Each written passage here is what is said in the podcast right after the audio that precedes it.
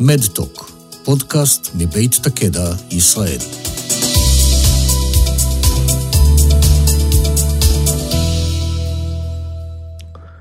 שלום, אני עמית חלמיש, מושתל כבד מדצמבר 13, פעיל בעמותות כבד, עמותת מושתלי כבד.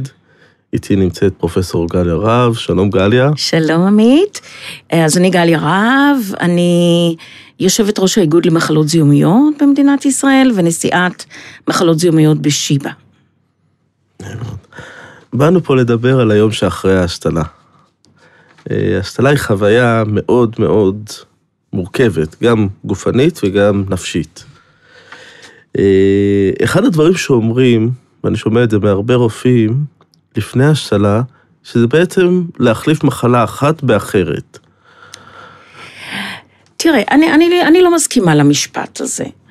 אמ, אני חושבת שאולי באמת הרופאים שאומרים את זה מתרכזים בחולים שעוברים השתלה ואולי מסתבכים.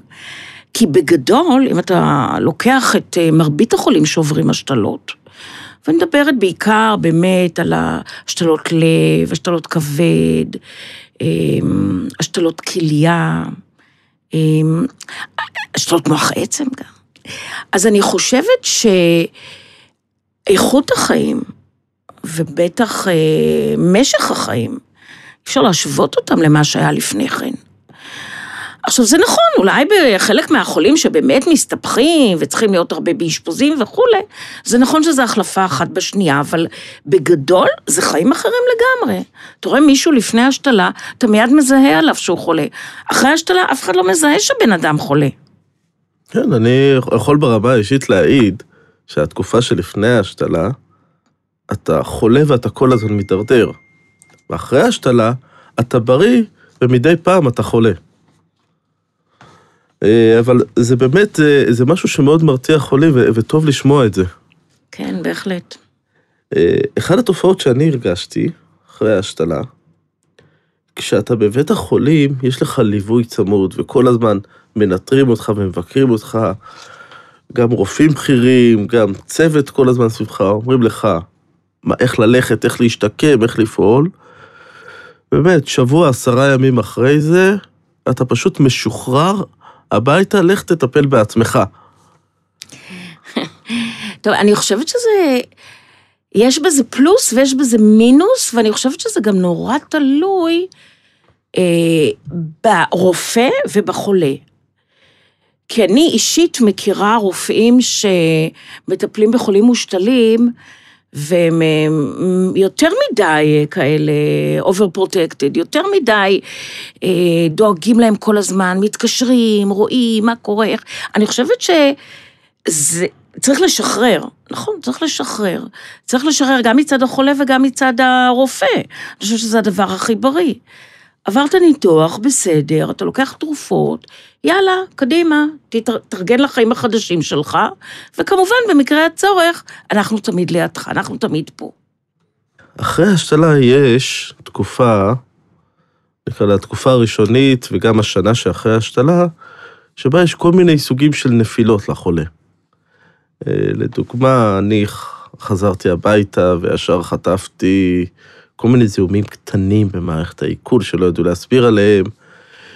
אה, אחת התופעות הנוספות היא גם כל מיני וירוסים, או וירוס כמו CMV שחטפתי, ובבת אחת, ממצב שאתה מרגיש חוזר לחיים בריא, נפלא, אתה בבת אחת שוקע ונופל מחדש. וזה מעבר לצד הגופני, שזה קל לנטר אותו, יש את הצד הנפשי שהוא מאוד קשה.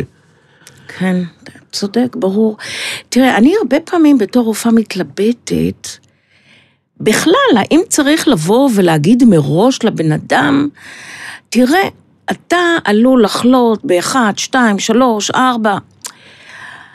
אה, אני חושבת, אני, זו התלבטות גדולה, כי, אתה יודע, יש סיכוי גדול שבן אדם בכלל אה, יהיה בריא לגמרי ולא לא יחלה בדברים הנ"ל. השאלה היא מראש להכין את הבן אדם למה עלול להיות, זו שאלה מאוד גדולה, ויכול להיות שזה לא לא, לא אותה רפואה לכל אחד.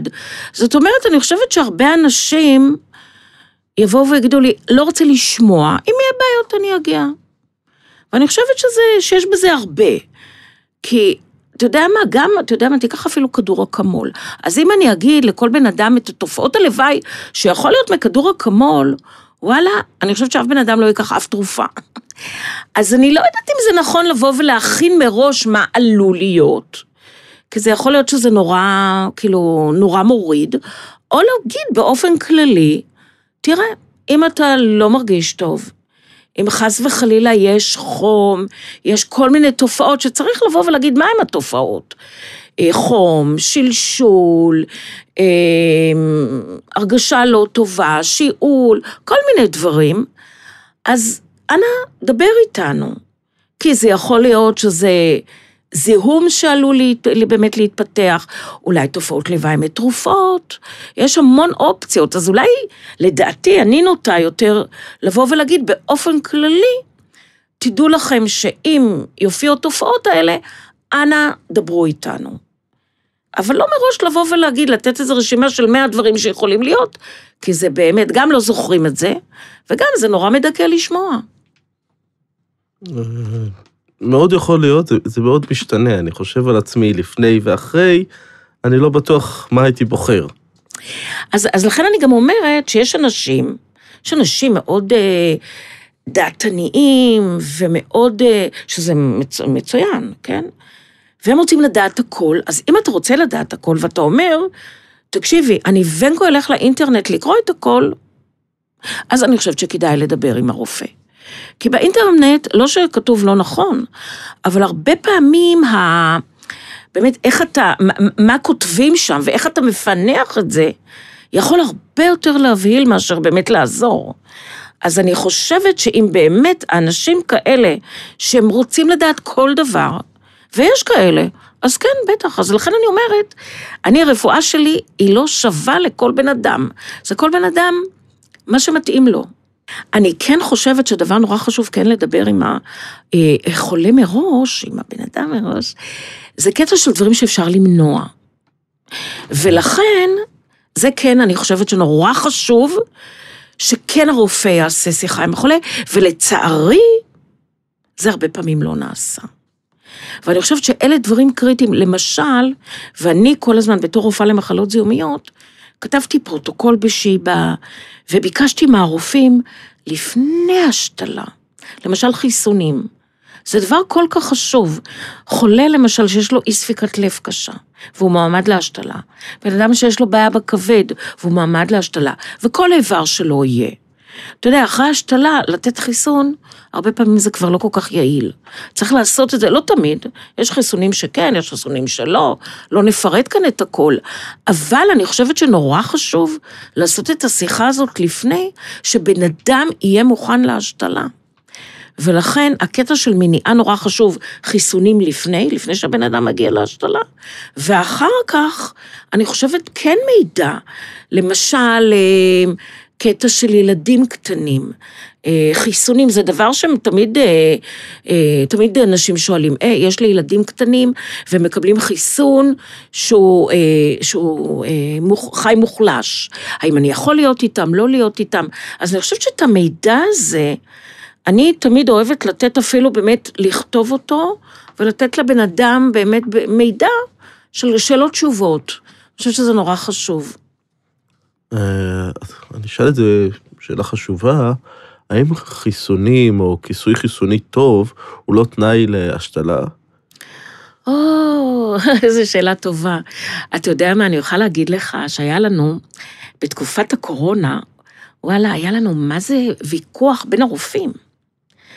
כי, אתה יודע מה, היו לנו אנשים, נגיד, אני לא אשכח, היה לנו איזה חולה מועמד להשתלת כבד, והוא לא רוצה להתחסן, לא הסכים להתחסן לקורונה.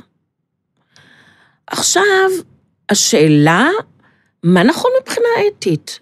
האם אנחנו, כאילו, יש רופאים שאמרו, תקשיבו, מי שלא מוכן להתחסן, והוא מסכן מאוד את עצמו, כך שיכול להיות שהוא יקבל שתל והשתל הזה ילך. האם זה נכון לתת לו את הכבד הזה, או שאולי את הכבד ניתן למישהו אחר שכן מוכן להתחסן? ואז אולי חבל לבזבז את הכבד הזה.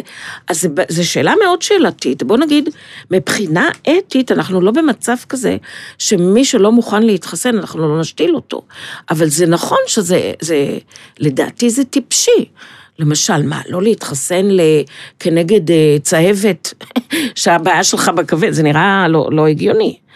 ממש אה, לא. זה ממש לא נראה הגיוני. אז אני, כאילו, אני, כן, גם את החולה הספציפי הזה שהיה לנו, אני הצלחתי לשכנע אותו באמת להתחסן. כי אני חושבת שזה באמת אה, לא הגיוני. אני אשאל לגבי uh, uh, ההיבט הנפשי. למעשה, דיברנו על זה שיכולות להיות הרבה בעיות. וכשאנחנו מדברים על בעיות של אחרי השתלה, הנפילות והזיהומים מביאים את החולה למצבים קשים שלפעמים הוא כבר מוכן לוותר. כי הוא הגיע לרגע ההשתלה, עבר את כל התהליך הנפשי, הגיע לקתרזיס של אחרי ההשתלה, אותה תחושת ניצחון, ואז עוד פעם הוא נופל למטה. ברמה האישית שלי, אני חטפתי וירוס שפשוט הפיל אותי למיטה לתקופה ארוכה. מבחינתי זה היה ארוך, זה היה שלושה ארבעה ימים שהייתי מושבת. והחזיר אותי לאותו מצב שלפני השתלה, בתחושה האישית שלי, כמובן שזה לא היה ככה. איך אתם כרופאים בכלל מודעים לזה או יכולים לעזור בנושא? תראה, שאלה מצוינת, אבל אני יכולה להגיד לך שזה בכל מחלה כרונית ככה, או אפילו לא מחלה כרונית. אתה יודע מה, אני, אני, אני אקח תחום אחר לגמרי. ניסיון לה, לה, לה, להראות. אישה מפילה, נכנסה להיריון. עם כל, לפעמים עם המון טיפולים, שגם מאוד קשים, והפילה, שוב מחזור של טיפול, ושוב הפילה, ושוב מחזור, נורא, כאילו, יש בזה המון דברים דומים. אמ, יש, אה, ואתה יכול להגיד לי, חיים ומוות. לא, אתה יודע, מבחינה נפשית זה אותו דבר. אמ, וגם, אתה יודע, הקטע הזה, לעבור את הזיהום, וואלה, שים ויש לו טיפול. ויוצאים ממנו, יש טיפול. אז אני חושבת שהקטע הוא, זה באמת, אה, עברת השתלה, מה זה השתלה לעומת, אה, כאילו איזשהו זיהום, שנכון, יש לפעמים זיהומים אה, קשים שאין להם טיפולים כל כך מוצלחים. אבל, אבל, אה, כאילו, ברוך השם אנחנו במצב היום, שכן, יש לנו באמת, הרפואה כל כך מתקדמת, שיש לנו באמת אה, תרופות ל, להמון זיהומים, כמעט לכל הזיהומים, אה, ויש גם אופציות של עוד השתלות, עוד באמת, הרפואה מתפתחת והכל קדימה. כן, מבחינת אה, החולה, אה, יש תרופות וטיפולים שהיעילות שלהם יותר טובה ויש להם יותר תופעות לוואי. יש כאלה שהם קצת פחות יעילים, אבל עם הרבה תופעות לוואי. אני יכול לספר עליי ברמה של סטרואידים, פשוט נותנים לך זריקת מרץ ואתה מרגיש יותר מדי אקטיבי. והשאלה אם כרופאים אתם שוקלים לפעמים טיפולים שהיעילות שלהם יותר נמוכה, אבל יש להם פחות פגיעה באיכות החיים. תראה, אני חושבת, בטח, א', גם שלנו מעולה, אבל ברור ששוקלים את זה, ואני חושבת שזה תלוי במכלול של דברים. קודם כל, באמת, בוא נגיד, הטיפולים היותר קשים, אז אנחנו נותנים את זה יותר לאנשים צעירים, זה נורא תלוי בגיל של הבן אדם, במצב הכללי שלו, מחלות נוספות. אה, אז ברור ששוקלים בזה. אם יש לי חולה צעיר, עם כל האופציות, כל, באמת, עם פרוגנוזה מעולה והכל, בטח שאני אטפל בכל, בתרופות הכי יעילות. זה הרבה יותר חשוב. ויש לי בן אדם מבוגר, שלא יכול לעמוד בעומס של הטיפולים, יכול להיות שאני אבחר תרופה קצת פחות יעילה, עם קצת פחות תופעות לוואי. אה, בבחירת הטיפולים היה בין יחס בין איכות חיים ליעילות הטיפול, אתם מתייעצים גם עם החולה? תראה, בהחלט. וזה גם נכון בהרבה שטחים ברפואה. אתה יודע, בהשתלות, זה יותר, אה, אתה יודע, זה פחות בא לידי ביטוי. אני יכולה להגיד לך שב... למשל בחולים עם כל מיני ממאירויות, אה, סרטן ריאה, סרטן לבלב, סרטן, כל מיני סרטנים כאלה עם פרוגנוזה פחות טובה, למרות שהיום גם עם כל הטיפולים זה גם אופרה אחרת, אבל פחות זה השתלה, אתה משתיל, אתה ריפאת, זהו, ריפאת.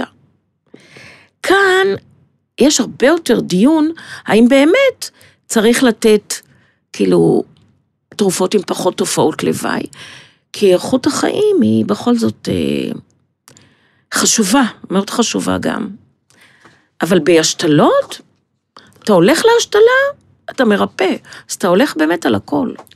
ואני שואל על התקופה שלאחר ההשתלה, כשיש כמה אפשרויות טיפול, והחולה מבחינתו, עוד בשלב הראשון, זה לא השתלת, זה נגמר. והוא מבחינתו עוד חי בחשש. ואני חשבתי והעדפתי כמה שפחות פגיעה באיכות החיים, כדי לחזור לחיים רגילים. אני זוכר הרבה ויכוחים עם רופאים לגבי יעילות של תרופות. אומרים לי, אבל המתווה הזה הרבה יותר פשוט, זה אתה יכול לגמור את הבעיה תוך כמה ימים, לעומת למשוך אותה יותר. תראה, אני חושבת שזה כאן באמת, זה, זה דיון יותר ספציפי על כל מיני סוגים של תרופות. אני למשל, באופן כללי, לא אוהבת לתת אה, סטרואידים לתקופות ממושכות. סטרואידים יש להם, זה נכון, סטרואידים, וזה נכון ברפואה בהמון שטחים. לא רק בהשתלות, בכל שטח כמעט ברפואה. סטרואידים עושה וואלה, הרופא, איך, איך אני תמיד אומרת לחולים שלי? אני אתן לכם סטרואידים, תרגישו שאני הרופאה הכי טובה. למה? כי משתפרים נורא מהר, מרגישים נהדר. אבל צריך לקחת את החשבון לטווח ארוך. ולטווח ארוך, לתת סטרואידים, זה עושה המון תופעות לוואי. החל ביתר לחץ דם, אוסטופורוזי, סכרת, זיהומים ועוד ועוד ועוד ועוד ועוד. אז צריך, הרופא צריך לתכנן את זה גם לטווח ארוך, לא רק לטווח המיידי. אז בסדר, אז יהיה לך יומיים אה, לא נחמד, נעזור לך.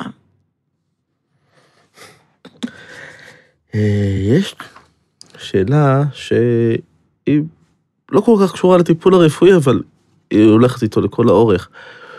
כי אחרי השתלה, בעצם אתה מתנתק מהרופא המשתיל, מאותו צוות שליווה אותך עד רגע ההשתלה. יש פה ניתוק שהוא מאוד מאוד חד בעצם. תראה, אתה יודע מה? צריך לה, להבדיל, להפריד בין הרופא המנתח, שרופאים מנתחים, בדרך כלל, שוב, יש כל מיני וכל... הם אלה שעושים את ה... אתה יודע, את, ה, את המכניקה. הם בדרך כלל, אם אין בעיות כירורגיות, לא מטפלים בחולים. ואז מי שמטפל באמת בחולה, אז זה, זה הרופא המטפל, זאת אומרת, אם זה בהשתלת כבד, זה רופא כבד, זה לא המנתח של הכבד. אם זה בלב, זה לא מנתח של הלב, זה קרדיולוג שמתמחה בטיפול אחרי השתלה. זה יותר רופאים פנימיים. כי איך אני אומרת, רופאים כירורגיים, אתה חותך. רופאים פנימיים, הם יותר עם כל הידע, עם כל ה... שהכירורגים לא יהרגו אותי, כן? אבל זה, זה אמת. הם קוראים, הם יותר uh, מעודכנים, הם יותר בקטע של הטיפול היומיומי, ובדרך כלל הם הופכים לרופאים של ה... לרופא היומיום. הם הרופאים. אתה לא, לא ככה אצלך? אני לא דוגמה קלאסית, אבל אני, אני זוכר את הניתוק בעצם מהשלב שאתה כל הזמן עם רופאים כירורגיים כדי לפתור בעיות כירורגיות גם לפני ההשתלה וגם של ההשתלה עצמה. ואז הם, הכירורגים פשוט נעלמים מהשטח לגמרי, אתה לא רואה אותם יותר. נכון, הלוואי, זה הכי טוב. אתה צריך את זה, עברתי ניתוח, ניתקתי, גמרנו, אני בריא, עכשיו מי שיטפל בי, זה באמת רופא פנימאי עם הספציאליטה שלו כמובן. שהם אלה שיש להם את ה... הם אלה שעוקבים אחרי המושתלים, בדרך כלל. כן, לא, לי זה היה מאוד קשה, הניתוק הזה מהרופאים הכירורגים, שעם חלקם כבר התחברתי מאוד, ובבת אחת הם נעלמו. אני כבר לא מעניין אותם. כבן אדם, אני רק אה, גוף שצריך לנתח ולהשתיל. אני, אני מבין ברציונלית שכן, אבל זו הייתה תפיסה שכזאת, מבחינתי זה היה סוג של ניתוק. אני אגיד לך מה אני מציעה, אני, יש לי לפעמים חולים, אפילו לא לפעמים, שבאמת, כאילו, וואלה, הבריאו. ויש לנו קשר כל כך עמוק. באים אליי פעם בחצי שנה למעקב, לראות שהכל, אתה יודע, לאט לאט ככה, אבל עקרונית, אני חושבת שזה באמת, זה נהדר שלא צריכים יותר את הכירורג, זה אומר שבאמת אה, גמרנו. מצוין. אז באמת, אני שואל שוב לגבי, אני אשאל לגבי באמת הניתוק של, שלך כרופאה מהחולה. הרי תקופה ארוכה את מלווה את החולה אינטנסיבית, צמוד, ו, ובטוח נוצרים אה, יחסי קרבה. ופתאום החולה כבר לא צריך אותך. איך זה משפיע? תראה, אני גם, כמו שאתה אומר שאתה לא דוגמה, גם אני לא כל כך דוגמה. אמ, תראה, אני אגיד לך מה, באמת, בתור רופא, יש לי כל כך הרבה מטופלים מכל הדיציפלינות, באמת. כל כך הרבה מטופלים, שאין מה להגיד שמבחינה אובייקטיבית, אני לא יכולה, לא יכולה לראות את כולם, לצערי הרב, באמת. ופתאום אני נזכרת לעצמי, וואו, אני לא יודעת מה קרה פה. אז אני מנסה למצוא את ה... או את הרופא המטפל הישיר, או את הטלפון שלו, ולהתקשר, אני לפעמים מתקשרת לחולים שלי לשמוע מה קורה. מה קורה? לא שמעתי המון זמן. אמ, אבל זה, זה קשה, בתור רופא, כשיש לך כל כך הרבה מטופלים, ואי אפשר, באמת, בתור רופא, אתה צריך, אני תמיד אומרת את זה, למרות שאני מאוד לא דוגמה בזה, אמ, דוגמה של איזושהי הפרדה. צריך איזושהי הפרדה, רופא, על מנת שהוא יחיה, הוא חייב איזושהי הפרדה. עכשיו, אני אומרת את זה למרות שאני באמת רופאה מאוד מאוד מאוד ותיקה, אין לי את ההפרדה הזאת. לא מכל החולים, כי אחרת לא הייתי יכולה לחיות, אבל, אבל אתה חייב איכשהו לעשות הפרדת מה, ואני לא אשכח, כשהייתי, גמרתי פנימית, וסיימתי התמחות בפנימית והייתי צריכה לבחור בתת פנימית, כי ככה זה היום, כל אחד הולך לאיזשהו שטח, ואני לא רציתי, כי אהבתי באמת את הכל, אבל אין לי ברירה. אה, ואחד התחומים שהיה לי מאוד שאהבתי אותם זה המטו-אונקולוגיה, שזה באמת טיפול בחולים עם בעיקר סרטן דם וכל הדברים האלה. ואני בסוף החלטתי לא, רק מהסיבה הזאת שאני כל היום הייתי בוכה עם החולים. ואמרתי שאני לא אוכל ככה, באמת, לא אוכל לתפקד ככה. ואז בחרתי במחלות זיהומיות, שכאילו מחלות זיהומיות, הכל, נכון, נרפאים, אבל אז בול קיבלתי את מגפת האיידס. ואז זה היה, זה היה באמת, זה אחד ה... מלבד קורונה, לא, אני חושבת שהאיידס היה עוד יותר, כאילו... היום זה אחרת לגמרי, אבל כשאני התחלתי לטפל באיידס, זה, זה היה ככה. ואז החולים שלי היו איתי יום ולילה. אה, הומור שחור, זה מלווה אותנו כל הזמן, אצל החולים ואצל הרופאים, במיוחד במחלות שמצריכות השתלה. תראה, אני חושבת שבלי הומור, איזשהו, אי אפשר, חייבים איזשהו הומור. אז אני חושבת שזה עוזר, זה עוזר לדבר, זה עוזר להיפתח, זה עוזר לדבר על דברים שכואבים, לצחוק על עצמנו, אני חושבת שזה דבר נורא חשוב, הומור. ממש, אני מאוד מטפחת אותו. כן, אני אתן את הדוגמה הקלאסית שלי, שתמיד הייתי יוצא מניתוחים מורכבים, ומהשתלה מתעורר, ושואל את האחות שלידי, יש לי רק שאלה אחת, תגידי לי, זה יצא בן או בת? נחמד. הפרצוף של האחות היה שווה הכל תמיד, עם השאלה המפתיעה. אה, אני כן אשמח לשמוע, בדרך כלל רופאים זוכרים דווקא את המקרים שהם לא הצליחו את המקרים הקשים. אני אשמח לשמוע, ובאמת גם כחולה ומישהו שעבר השתלה, על מקרים מורכבים וקשים שהצלחתם בהם, נגד כל הסיכויים או עם סיכויים נמוכים. וואו. אני יכולה עכשיו, אני כמה, כמה, כמה, כמה מקרים אני יכולה לספר. כמה שיותר, יותר טוב. טוב, זה...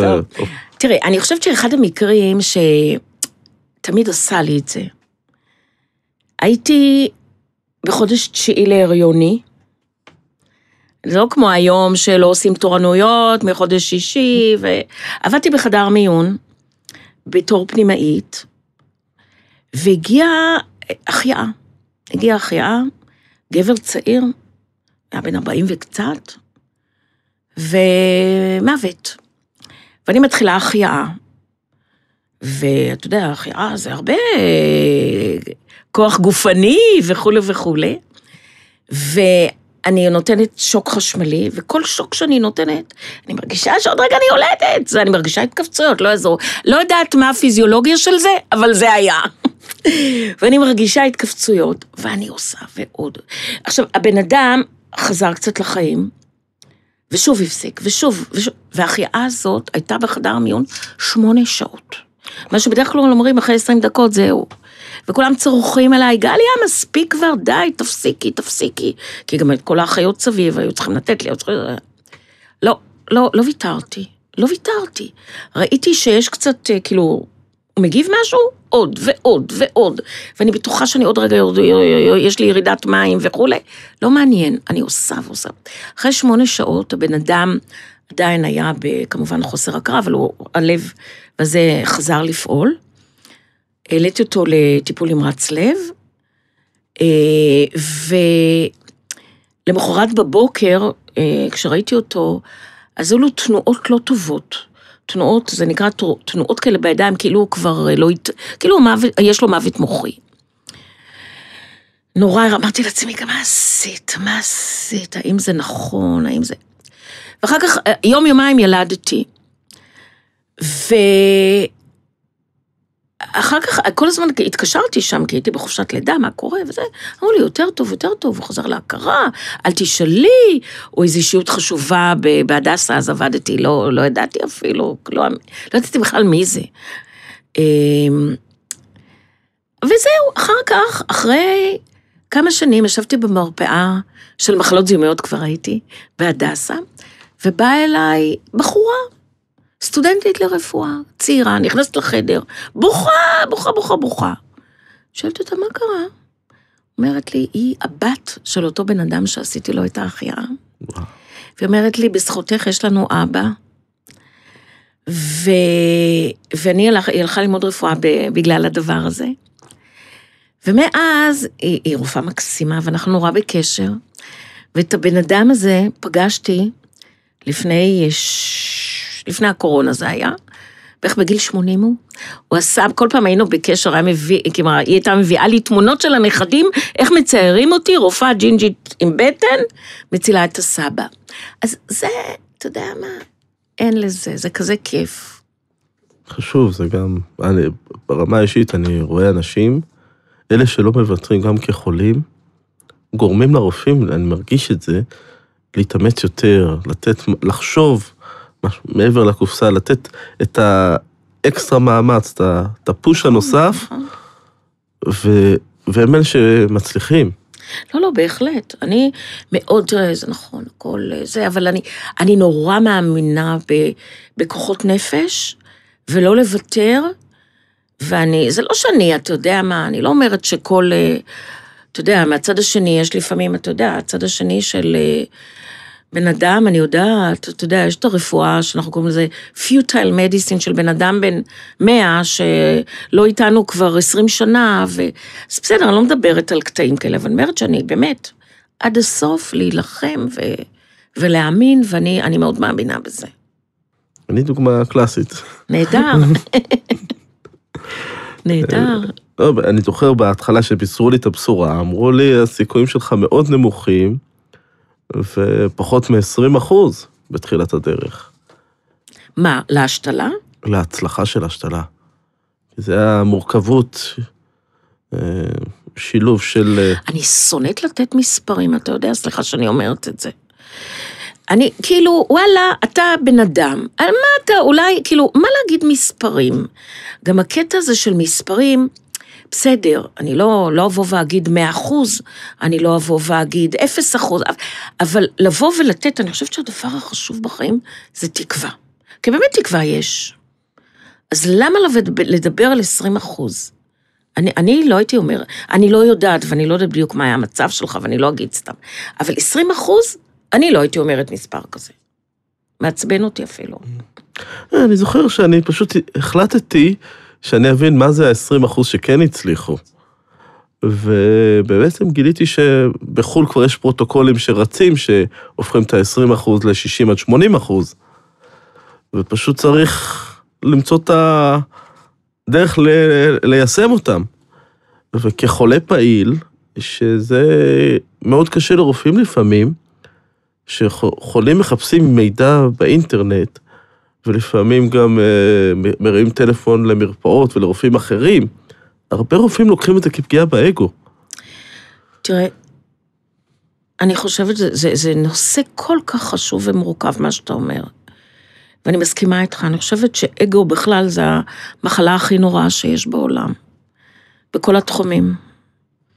גם בפוליטיקה, לצערנו. ברפואה זה נורא, כי זה על חשבון חולים. אה, ויש המון אגו ברפואה, המון, לצערי. ממש לצערי. ואני חושבת, אני מאוד אוהבת שהחולים קוראים ובאים אליי המון מאמר, עם, עם המאמרים וכולי, זה נהדר. זה נהדר, אנחנו יושבים, בודקים. אני חושבת, אני גם הרבה לומדת מהחולים שלי. אני לא מתביישת להגיד הרבה פעמים. אה, ואני חושבת שזה נהדר שחולים, תראה, זה נכון שלפעמים, כאילו, רופאים מהצד, אה, לפעמים זה נורא עוזר. אני גם, הרבה פעמים קוראים לי כ-second opinion. זה לא כל כך נוח, לא, יש כאלה שאוהבים שאני באה, ויש כאלה שלא אוהבים שאני באה. עכשיו, אני חושבת שהקטע הוא, אם אני יכולה ללמוד ממישהו, מדהים. מדהים, אני תמיד אשמח לשמוע עוד חוות דעת, ואני תמיד גם מתייעצת, אני תמיד מתייעצת. עם כזה, אני חושבת שזה היופי של הרפואה. אם אתה חושב שאתה הכל יודע לבד, אוי ואבוי.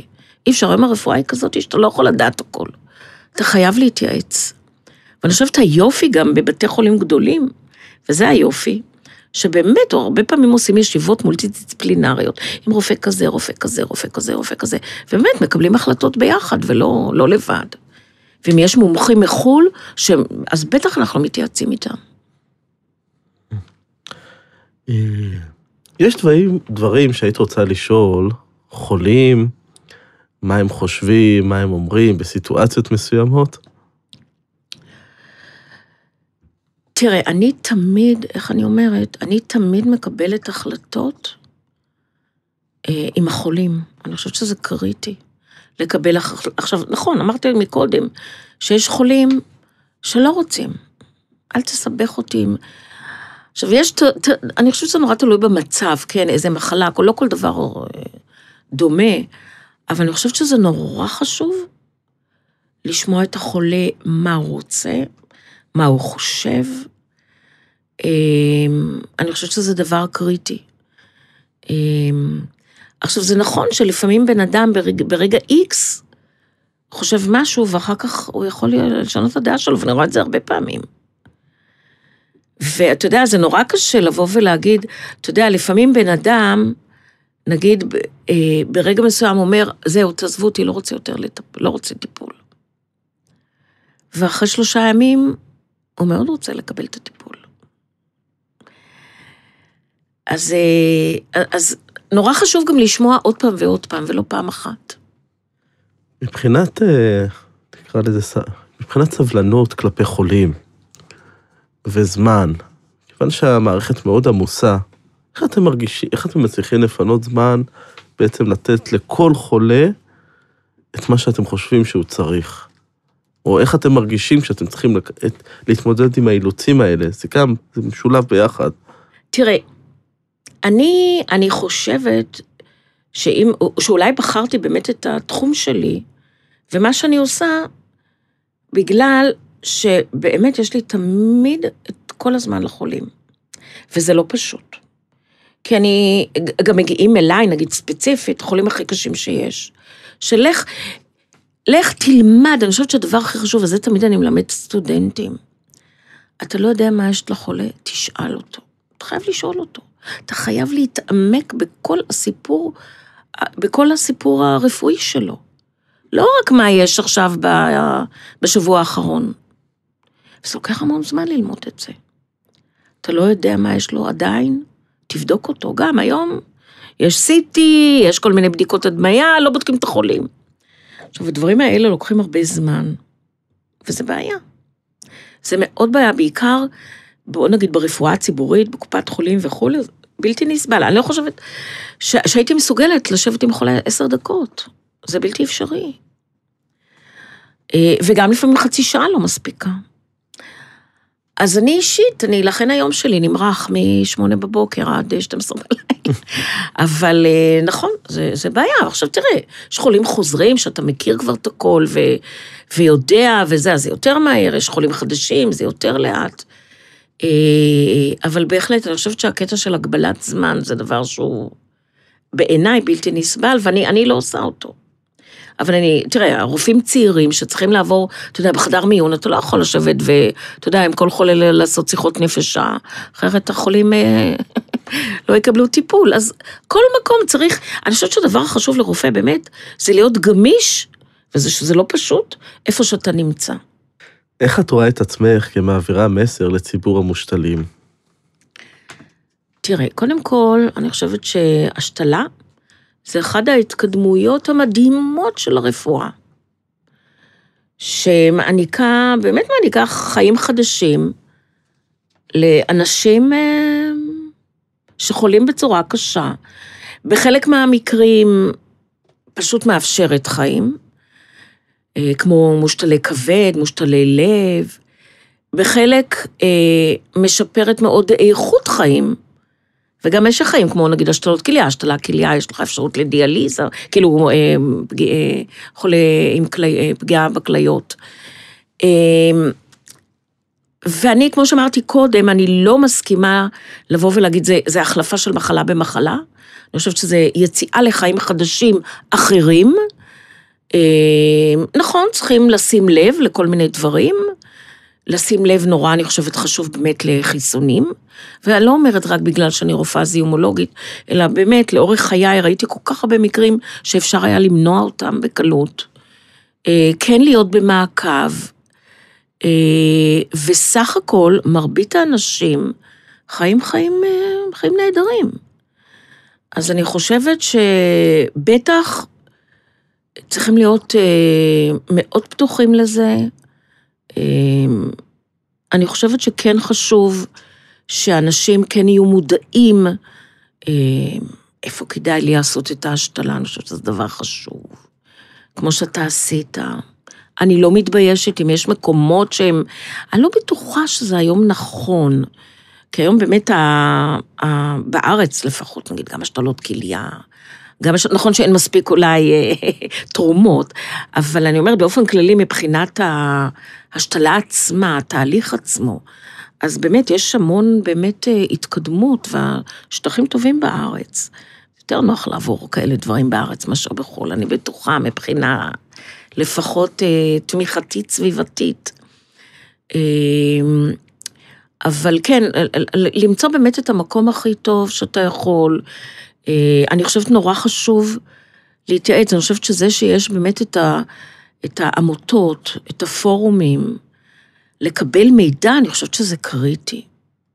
לקבל מידע ממי שעבר, אני חושבת שזה נורא חשוב. אה, כל מיני טיפים, מה כדאי, איפה כדאי, אצל מי כדאי, איך להשיג, מה להשיג, איך לשפר את איכות החיים. אני חושבת שבאמת הבן אדם שעבר את ההשתלה הכי יודע את זה, הרבה יותר מאשר הרופאים. אז אני חושבת שזה נורא חשוב באמת שיהיו עמותות שידאגו באמת ל... גם לפרסם את המידע וגם אה, להשיג את כל מה שאפשר להשיג.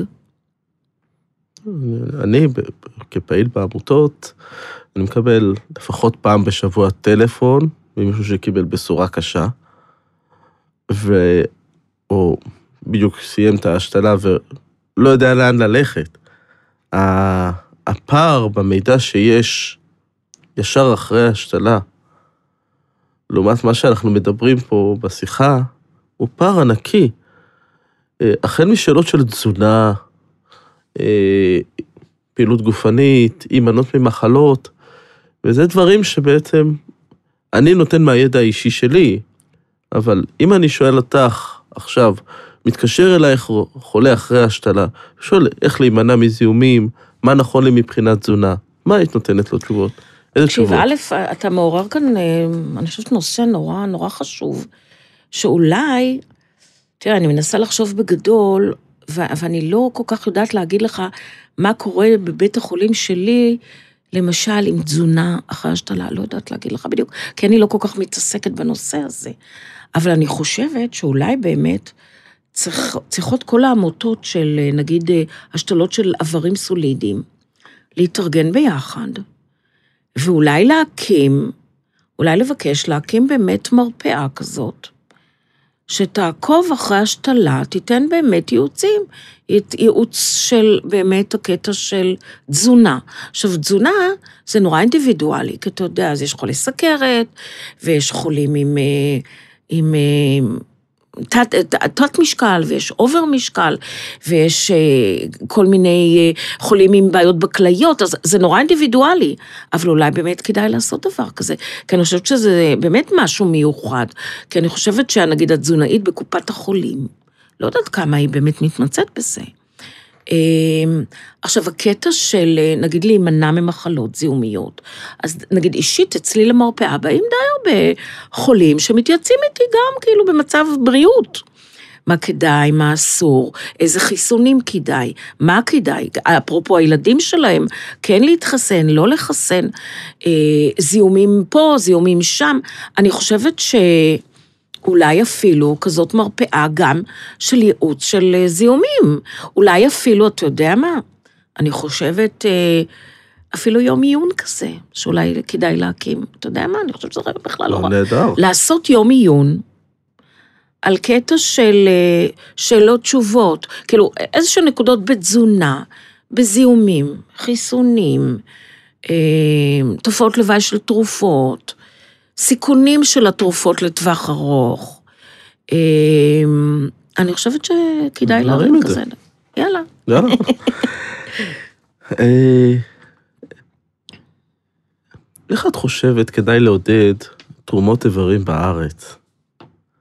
כי המצב בארץ מבחינת תרומות איברים הוא, הוא כך שמדינת ישראל היא לא מהמדינות המובילות בעולם בתרומת איברים.